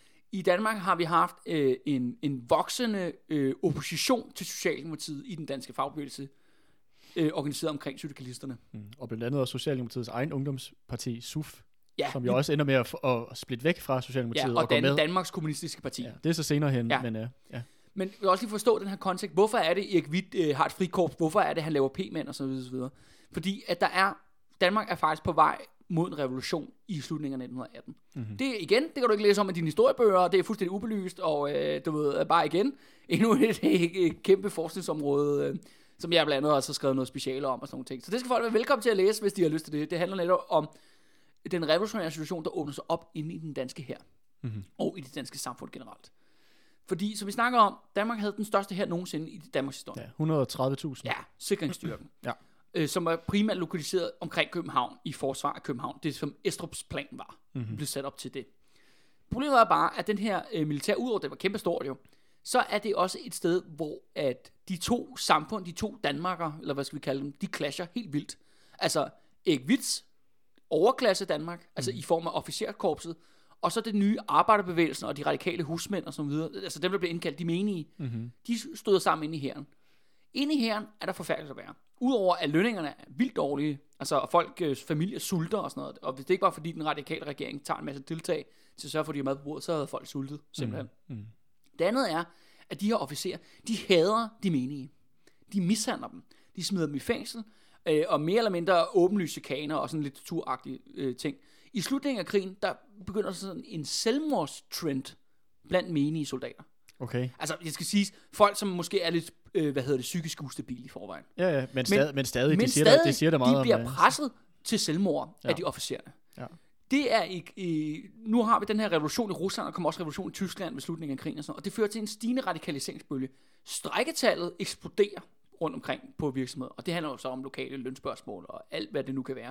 En anden ting er, at der på nærmest ugenlig basis i København igennem i løbet af hele 1918, der er der sammenstød mellem politiet og demonstranter mm-hmm. på Vesterbro og Der er blandt andet sl- slaget på Grøntorvet. Hvis Der er slaget på Grøntorvet, der er også storm på børsen i starten af 1918. Mm-hmm. Øh, og ret interessant, og det er jo også nogle ting, man folk ikke ved, for eksempel, i, en, i øh, 1. maj 1917, der bliver politistationen på Nørrebro stormet af demonstranter. Hmm. Der er fem, øh, hvad hedder det, det er forbudt nemlig at gå rundt med røde faner. Det ved folk faktisk ikke, men det var forbudt at gå rundt med røde faner. Fordi det var jo blodfanen, som det, den borgerlige presse kaldte den, ikke? og får det til død og ødelæggelse, ikke? Den, den var forbudt, og så, og så var det også fordi, i 1917, der havde man en masse skilte, der stod ned med kongehuset, for eksempel. Det var også forbudt at øh, fornærme kongehuset. Mm-hmm. Så de her demonstranter blev anholdt. Politiet dem ind på politistationen, der hvor politimuseet ligger der på Nørrebro. Det sørger for, at folk starter sammen, begynder at bombardere stedet med sten, prøver at storme bygningen, og de her folk bliver så løsladt. De her clashes, de sker hele tiden. Og politiet vinder ikke hver gang. Nogle gange så bliver de altså, altså banket, de der politibetjente. Så man står i en fuldstændig eksplosiv situation. Samtidig har du den her stigende utilfredshed i militæret. Mm.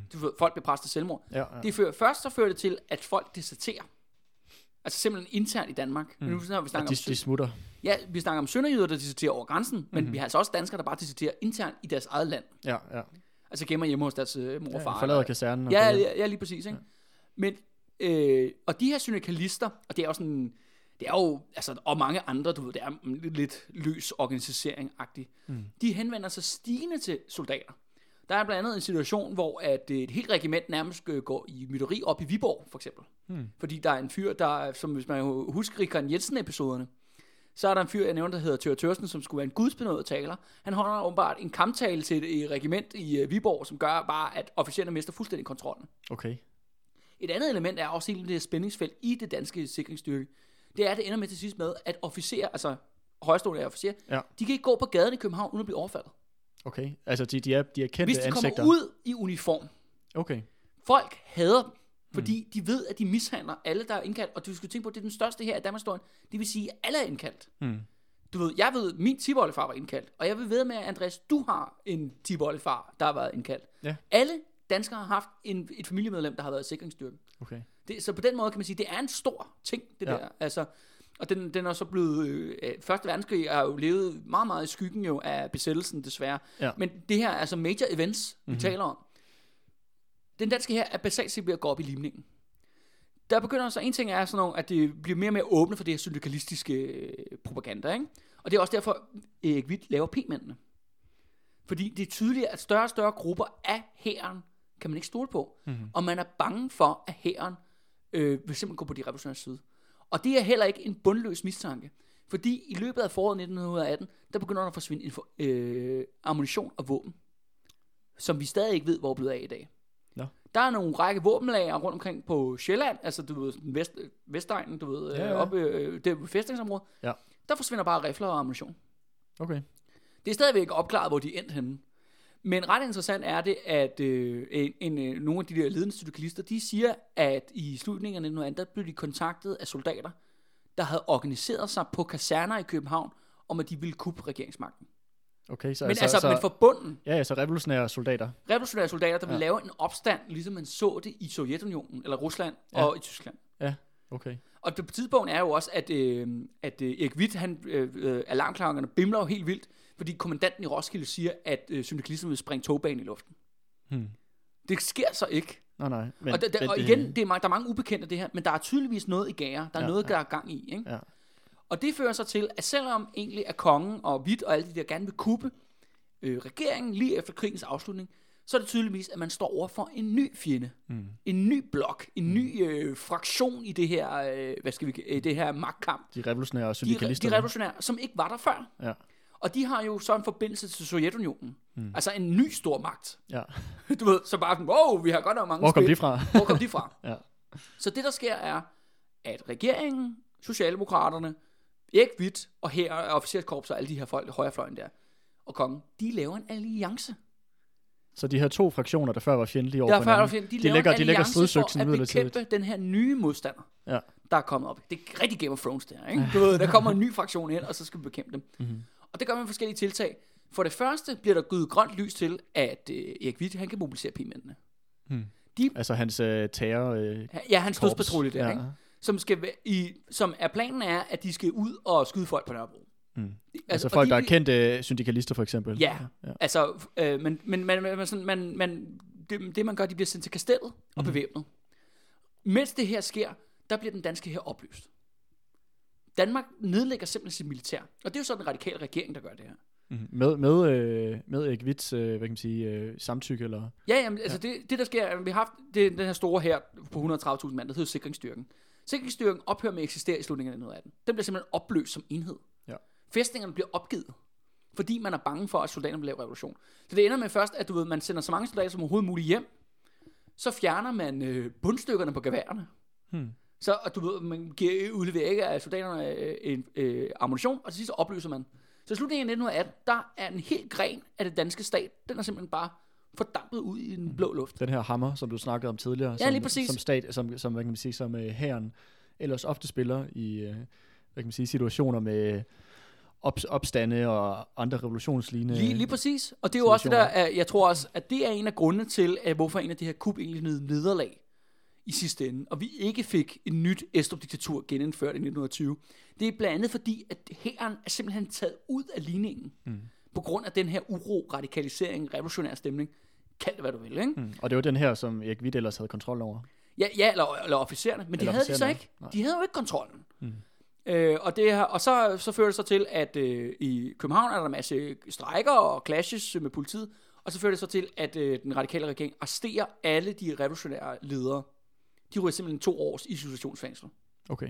Så de bliver, de bliver, ja, de bliver bare, de bliver swoopet ind i en stor øh, aktion, og alle sammen fængslet. Og ligesom, så er lederskabet øh, løst, og så går Socialdemokratiet jo med, fordi at det skal huske på, at Stavning er jo ikke revolutionær. Mm. Han er jo i høj grad den mand, der har gjort øh, det danske Socialdemokrati til det reformistiske parti. Mm-hmm. Øh, uden at vi skal gå for meget ind i den ideologiske diskussion mellem de to øh, størrelser. Men han øh, blandt andet igennem fagbevægelsen sørger for at bekæmpe syndikalisterne og strækbevægelsen ude på arbejdspladserne. Mm. Du ved, siger han, "Nå, okay, hvem, er, hvem, er, hvem starter al den utilfredshed? Fyr ham, ikke? Ja. Ud med ham, så videre, så videre.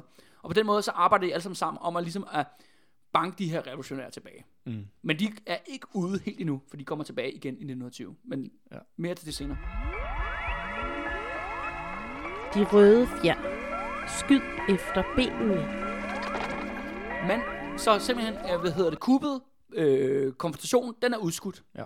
Til, til den her øh, situation er Til, ligesom, den fælles, til den fælles fjende er Ja, lige nedkæmpet. præcis. Og det er jo klart, i løbet af året 1919, det er der, hvor Erik er i Paris og render rundt på de bonede gulve, ikke? Mm-hmm. Der er blevet tydeligt, okay, nu har vi ved at have styr på situationen herhjemme, og nu siger han, okay, nu, nu er det ved at være nu, at vi skal have det her øh, kup her, eller der, der skal den her radikale politiske ændring til. Også fordi, at de radikale regering går faktisk ind og vinder et valg i sommeren 1918. Og det gør de, fordi alle, de vinder rigtig mange stemmer, fordi at øh, folk ved jo godt, at hvis den radikale regering falder, så invaderer tyskerne. Ja. Så det er bare sådan en, du ved, at tyskerfrygt, ikke? Mm-hmm. Så det vil sige, okay, nu skal vi have den her konfrontation, men man leder efter en god anledning til ligesom at starte det her. Der skal ligesom være en eller anden stor politisk... En øh, undskyldning. Lige præcis. Ja. Og hvad har vi der, der passer rigtig godt? Jamen, det er jo spørgsmålet om Sønderjylland jo. Mm. Som jo har kørt jo på lav plus her øh, igennem øh, hele, hele det her forløb, vi har talt om her. Ikke? Ja. Det kommer ind, og netop det her med grænsen, og hvor skal grænsen gå? Og der skal det så siges, at Jonas Collin har lige et sidste bidrag, til, til inden det her øh, starter. Han laver en, øh, ham og nogle andre, selvfølgelig nogle andre, de laver en kæmpe underskriftsindsamling på øh, 200.000 danskere, der vil have Danmark til øh, have Flensborg med i Danmark. Okay. Det Altså, er jo så- også en slat. Ja, ja, ja, ja. Så det er jo ligesom om, at man mobiliserer Venstre og det konservative og politiske øh, bla bla bla, ikke? Og det er ja. Også øh, tydeligt, at øh, der er nogle øh, øh, socialdemokratiske parlamentsmedlem, et socialdemokratisk parlamentsmedlem og et medlem af det radikale venstre, der er villige til at jump ship på det nationale spørgsmål. Altså det, det med det nationale spørgsmål her, det er simpelthen stand til at splitte den radik- de radikale venstres parti og Socialdemokratiet politisk. Mm. Altså, nu har man ligesom, nu har man begyndt at have skovlen ind under dem, ikke? Ja. Øh, det sidste er, men, men du ved, en ting, og Erik Witt, han bare, altså det skulle siges, Erik Witt har presset på nu i seks år. Du ved, det skal også sige, han har også nogle daglige, altså ikke daglige, men han, han Jævnlige. ja, månedlige, han, han er ude at ride med kongen. Fordi du er gamle buddies og går lige Ja, ja, heste og sådan noget, ikke? Ja. Det er sådan noget, en ting, der er til fælles, ikke? Det er deres hobby, ikke? ja. Og militær. Og ja, ja, og, ja, og militær og, øh, og, og- og, ja, og had til demokratiet, ikke? Og du ved, alle sådan nogle ting. øh, Mange ting til fælles. Ja. Og han har jo presset på lang, lang tid om at det der med, med det der kup, det der. Men nu er det ligesom ved at være nu. Men det, de mangler, er det sidste grønne lys. Og det er jo selvfølgelig for H.N. Andersen, fordi det er jo egentlig, som jeg sagde, det er jo egentlig ham jo, der mm. Egentlig, der bestemmer det hele. Mhm. Og H.N. Andersen, han siger så der, 30. marts 1920, altså 100 år, lige om lidt, ikke? Ja. der siger han, okay, nu gør vi det. Øhm, og det gør vi, fordi at han er jo også utilfreds med den radikale politik. Mm. Øh, ja, blandt andet de har indført en masse restriktioner på det private erhvervsliv. ja. Sociale reformer, som jo... Lige præcis. Ja. Og restriktioner på det private erhvervsliv, det rammer primært en person, H.N. Andersen og YK. Mm. Men han har jo været den samme klemme med det der med, at man kan ikke fjerne de radikale, uden at lægge sig ud med tyskerne. ja. Men nu er, nu er tyskerne... Nu er de, Nu er de ude nemlig. Ja. Alting er åbent. Man har en pissegod case i forhold til det her med Sønderjylland. Siger, det handler om det nationale spørgsmål. Nej, det, det er ikke, du ved, det handler ikke om klassekamp, eller det handler ikke om alle de politiske spændinger om demokrati eller diktatur. Nej, nej, det handler jo om det nationale. Mm. Nationale sag, de bankende hjerter, de danske sønderjyder, de skal hjem, ikke? Du mm. ved, ikke? Hele det her genforeningsjubilæum, som så er blevet skudt fuldstændig smadret på grund af coronavirus, ikke? ikke? Men nu prøver vi lige at piske stemning op her på det røde fjer her, på, øh, her i sidste episode, ikke? ikke? Vi skal ikke glemme Sønderjylland i hele det her... Øh, Ikke endnu. Nej, ikke endnu, vel? Øhm, så, og det fører så til, at kongen så tager den endelige beslutning og kupper regeringen. Og hvordan foregår det? Sådan helt... Altså, Han, som, apropos, nu vender vi lige så tilbage det, jeg sagde i starten, det der med, at om kongen var lidt ophidset, og så kom til at kuppe, men heldigvis så var det hyggeligt alligevel, ikke? Altså, nu er vi ligesom nået til vejs ende, men der kan du bare se i hele den her, den her historie, jeg har fortalt dig her jo, det er jo ikke noget, der bare lige skete, vel? Nej. Det var jo ikke en tanketorsk, hvor kongen han lige kom til at miste kontrollen i fem minutter, og lige kom til at, at kuppe demokratiet, vel? Det var en planlagt aktion for dag et. Mm. Det handlede kun om timing, eller hvornår man kunne tillade sig at gennemføre det. Og man, han, de vurderede så, at nu var det den rigtige situation, Mm. på baggrund af det her. Så, og det grinerne er så herfra, at de radikale er stort set ude af politik. Faktisk. Men kan du ikke prøve ligesom at oprise, hvad Ja, er det er ikke ude af politik, men de bliver aldrig det samme igen. Nej, men kan du ikke prøve at oprise, hvad er det helt præcis, der sker, du, når man snakker om det her med kongen, der ligesom kupper? Hvad er det, der... Jamen det, der sker, er jo, at det hele Estrup-diktaturet var baseret på, sådan ren grundlovsmæssigt juridisk, det var, at kongen udpeger sin regeringsleder. Monarken udpeger regeringslederen. Det gør Margrethe sådan set også. Mm-hmm. Han forbeholdt sig bare den ret at ved du hvad, jeg er utilfreds med dig. Sale, ham statsministeren der, ikke? Mm-hmm. Væk med dig. Vi udskriver, altså, som sagde, vi udskriver et valg. Og man havde så en idé om, at på grund af den nationale sag, at nu kunne man vinde et flertal, også mm. i parlamentet. Ja. Så man afskriver regeringen, udskriver valg i utide, at der bliver dannet en midlertidig regering af, af kongens venner. Her er det så grineren er, at det var meningen i den her regering. Ved du, hvem der skulle være forsvarsminister? Kunne det måske være Erik Witt? Ja, det navn var netop oppe. Men det blev ikke Erik Witt.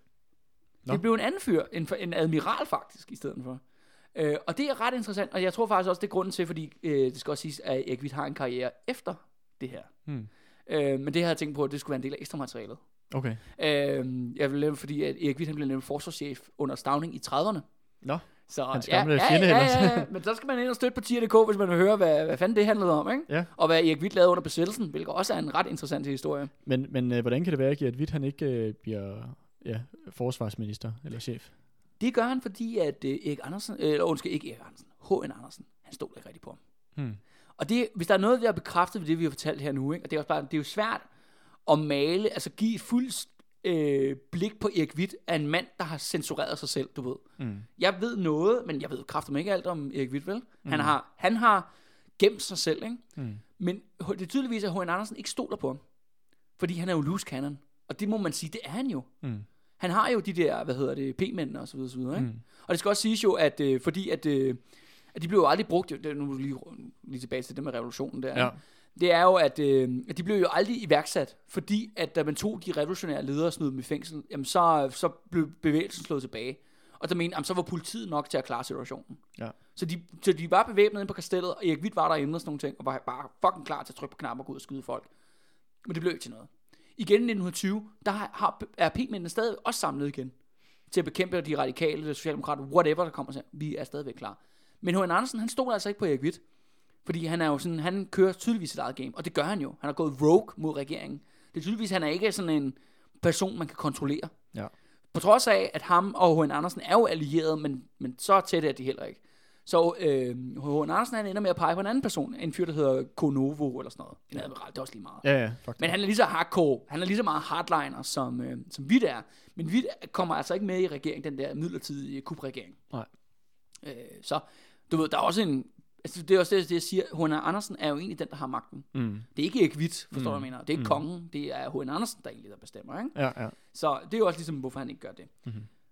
Men så er den her kubregering nu her. Ja, så er der kubregering. Øh, men det, der så sker, er, at nu bliver der dannet en ny alliance mellem Socialdemokraterne, fordi de radikale, de falder bare fra, fordi det viser sig jo, at de radikale er jo bare en flok embedsmænd, akademikere. Mm.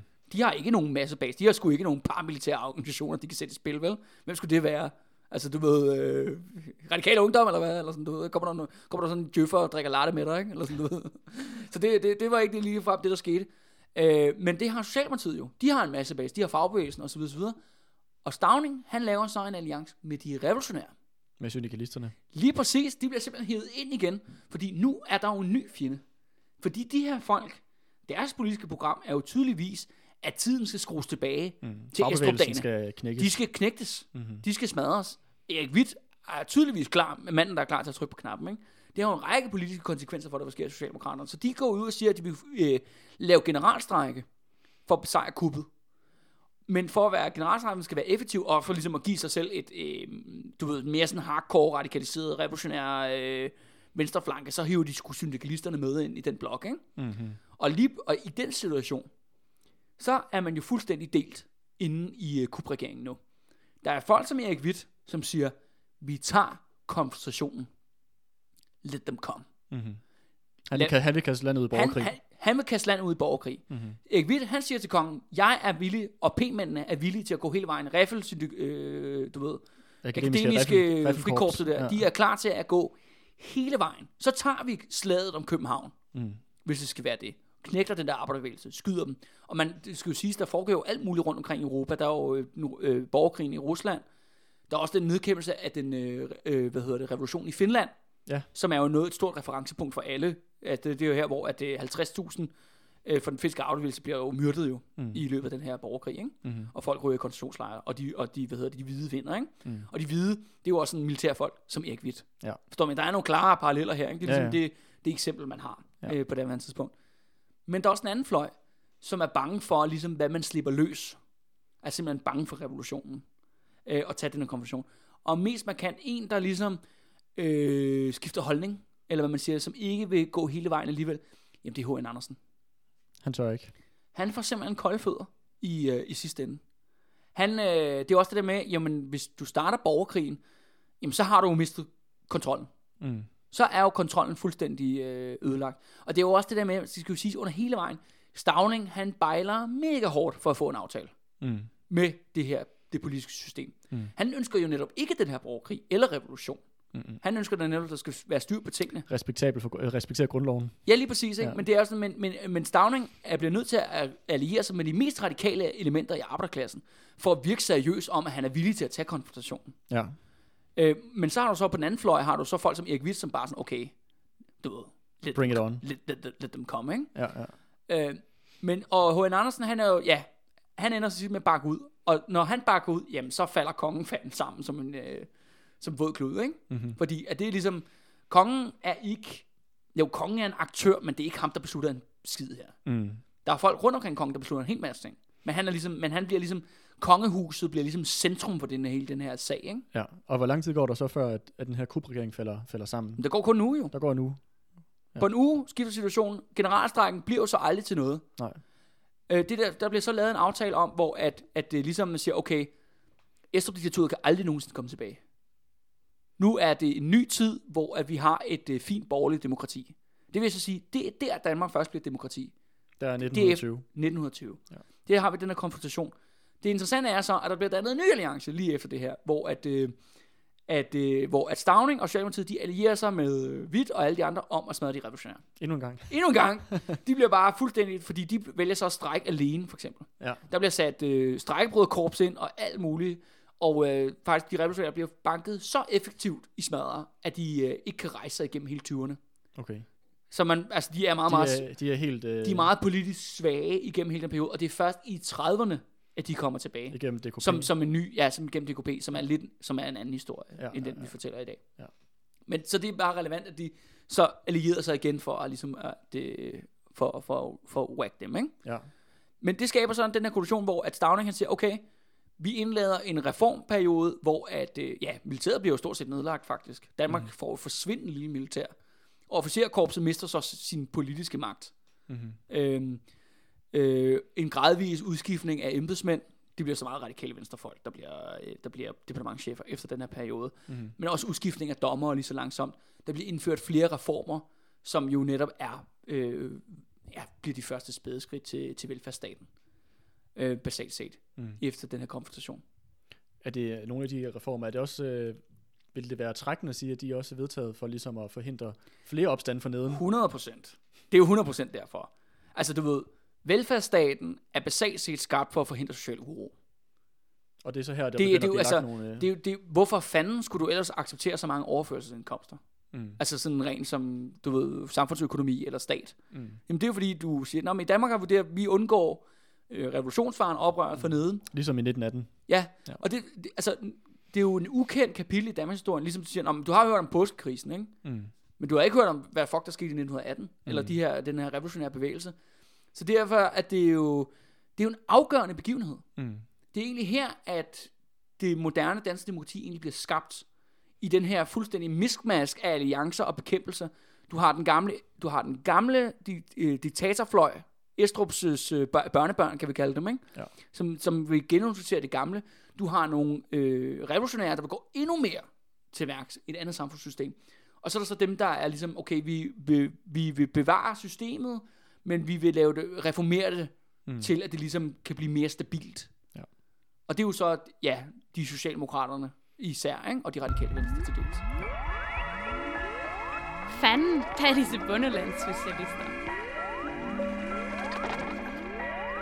Det var det. Det var, Det var det øh, det, det var afslutningen, finalen er finalen. ja. på, øh, på vores lille jubilæum her, Yes. om øh, genforeningen af Danmark og Sønderjylland, som der jo sluttede ikke ved grænsen, Nej, eller, nej. eller i Flensborg, eller et andet sted, øh, nede på, den, i de, på de kanter, men tværtimod øh, i København, Ja, og på med, de, øh, med masse slagsmål, med ikke? masse slagsmål og øh, intriger i toppen af staten. Ja, ja, lige præcis. Jamen altså, jamen Andreas, du er jo sønderjyde jo. Men er der noget, du vil tage med videre herfra, øh, efter det her øh, Ja, jeg vil da, jubilæum her? jeg, jeg vil da anbefale folk at, øh, at lytte til de her øh, historier, som vi har været igennem i dag, og få, for, altså, det er da rigtigt, at, at hvis man ser på det her jubilæum med, med 1900, hvad kan man sige, med, med genforeningen, Ja, så er det jo Sønderjylland, der er i centrum, hvor at, øh, i hvert fald af de historier, vi har været igennem her, maler i hvert fald et, et, et andet billede, ja. hvor, at, hvor man kan Et sige, at Sønder, jeg vil sige, at blodigere og konfliktorisk. ja, men, men også et billede, hvor at, at Sønderjylland måske ikke er centrum på samme måde, som det er i den officielle historie, men hvor det er, hvad kan man sige, det er begivenheder, der, der bliver udnyttet øh, til dels til nogle større interesser af Ja. ja. andre aktører. Ja. Øhm, og det synes jeg sætter det i et andet kontekst, øh, som giver det lidt mere, hvad kan man sige, øh, noget liv, som, øh, som historien måske ellers, ellers mangler. Jeg må også blankt indrømme, at det, det er jo ikke fordi alle episoder øh, på De Røde Fjer har en agenda fra min side. Nogle gange vil jeg også bare gerne fortælle en god historie, for, for at fortælle historiens skyld. Mm. Men det her, så tydeligvis, det er jo en politisk kampplads, det her. Mm. Og det er også det der med, at jeg er jo selv tydeligvis modstander af det her konsensushistorie. Så netop jo bliver skabt i den her periode. Og det her, den her begivenhed er den centrale begivenhed. Eller forstår med hele det her miskmask af Sønderjylland og Demokrati. kub og revolutionsbølge i Europa og sådan nogle ting. Det er alt sammen blevet stiliseret ned i en uge i 1920, Mm. hvor det bare helt eksploderer, ikke? Mm. og hvor det ene og for, hvor det andet, og hvor tingene kunne have gået meget anderledes. Mm. Ikke? Det er også bare, altså igen, ikke? både udover jeg selv vurderer, at den der revolution var meget, meget tættere på, end vi tror, altså for de her soldater og arbejdere og sådan noget i Danmark i, i 1918. Det andet element er også, hvad nu hvis Erik Witt havde trykket på den knap der? Mm. Men nu hvis det havde borgerkrig. Prøv at tænke jer, hvad, hvad Danmarks historien havde set ud. At det er, at det, ja, i april, i starten af april 1920, der gik Erik Witt ud med P-mændene, og så skød de 1000 mennesker på Nørrebro Mm. i sådan nogle masse likvideringer. Mm. Øh, og, Danmark blev kastet ud af en- en situation lignende den finske borgerkrig. ja, ja, og, og, hvad, og, hvad, og, ved, og, og så Estrup, altså hans ånd eller hans børnebørn er come back with a vengeance, ikke? Mm. og måske sidde hårdt på lortet de næste 50 år, eller hvad man ved. Ikke? Ja. Øhm, I stedet for, nu er blevet indgået tydeligvis en aftale mellem toppen af, ja, i form af stavning, og så mm. i form af, Arbejderbevægelsens uh, top, ja. ja, ja, ja, og de er jo ligesom, at de, ja, at de ville hellere, de, ja, de ville tydeligvis hellere bevare systemet. Mm. Men det er også interessant, hvad der sker med dem, ikke? Det der med, at de går jo fra at være øh, oppositionen, ligesom Venstre var oppositionen indtil 1901, så ophørte Socialdemokratiet med at være oppositionen i 1920. De bliver inkluderet i eliten. Lige præcis, eller i hvert fald toppen, ikke? Ja, og, det er også, toppen, ja. og også den her, hele det her sparede spil, ikke? Du ved, Socialdemokraterne er agenter, ikke? Mm. De radikale er Har, agenter. har egne banker. Jeg har egne banker, ikke? Og du ved, Erik Witt, der går rogue. Mm. Jonas Collin, som, øh, du ved, forfører den der amerika- CIA's bedstefar, ikke? Ja, ja. Hele det her øh, spil, ikke? Og så, ja, Og, og øh, samarbejdspolitikken, der bliver, øh, som, der så, Ja, som- som, som der kommer tilbage for fulde gardiner. Øh, ja 20 år senere 20 år efter, senere, øh, ja. ja, ja, og, Ja. og det er jo så også det interessante er ved besættelsen, når vi hvis man ligesom skal rulle en krølle på halen. Det hele kommer jo tilbage i 1940. Mm-hmm. Og du ved, men Erik Witt er der stadig, Stavning er der stadig, mm. Peter Munk er der stadig, mm. Kong Christian er der stadig. Mm. De er bare blevet nogle lidt ældre mænd på det her Ja, ja. tidspunkt. Men det Og- er jo ikke to adskilte historier på den måde. Nej, det interessante er jo så, også, det skal siges, H.A. Andersen er jo død i mellemtiden. Ja. Men der er bare en anden, nogle andre topledere i dansk erhvervsliv, der vil kubbe regeringen. Mm. Det er netop Mærsk og øh, Knud Højgaard for det der, hvad hedder det, byggefirma. Mm. Det der MC Højgaard, der findes i dag. Ja. De prøver igennem kongen at kubbe regeringen i, øh, i 40. Og hvem står i kulissen og skal være minister i den regering? Det skal Erik Witt. Det kan være, at vi i dag Ja, skal ja, lave et, ja, et ja. afsnit mere. Nå, det, er jo, det er jo det, der er det vilde er, at lige så snart, at mm, du ved, magtforholdet havde ændret sig. Mm. Fordi nu- det er jo så, det her, der sker så baggrund, at den fy, rigtige tyske besættelse, Ja. at der, føl, der kommer, kommer Estrups spøgelse kraftedet med banken ud af skabet en gang til, ikke? Mm. For aller sidste gang, skal det så også siges. Ja, han er, det er jo ikke dukket op siden da. Nu må vi se, hvad, hvad Ubermoti med F finder på her med corona og udbruddet, ikke? Jeg synes, det er så interessant, er, at øh, når man også hører på lytterne, der er mange, der har, øh, jeg har snakket med og, og skrevet med, som er enormt øh, sådan, i forhold til, at vi har belyst Estrup-diktaturet så meget her på, øh, på podcasten. Øh, fordi vi er de eneste, der gør det. Mm. Men de, for mig, at, øh, altså jeg sprang ud i det, fordi jeg synes, det var en sjov historie, men det er så tydeligt, at det der med Estrup spøgelse, eller hvad vi skal kalde det, det, Det er jo- spiller en meget større rolle i Danmarks historie, end man lige går rundt og tror. Men også, at det virker som, det er et ømtåligt emne.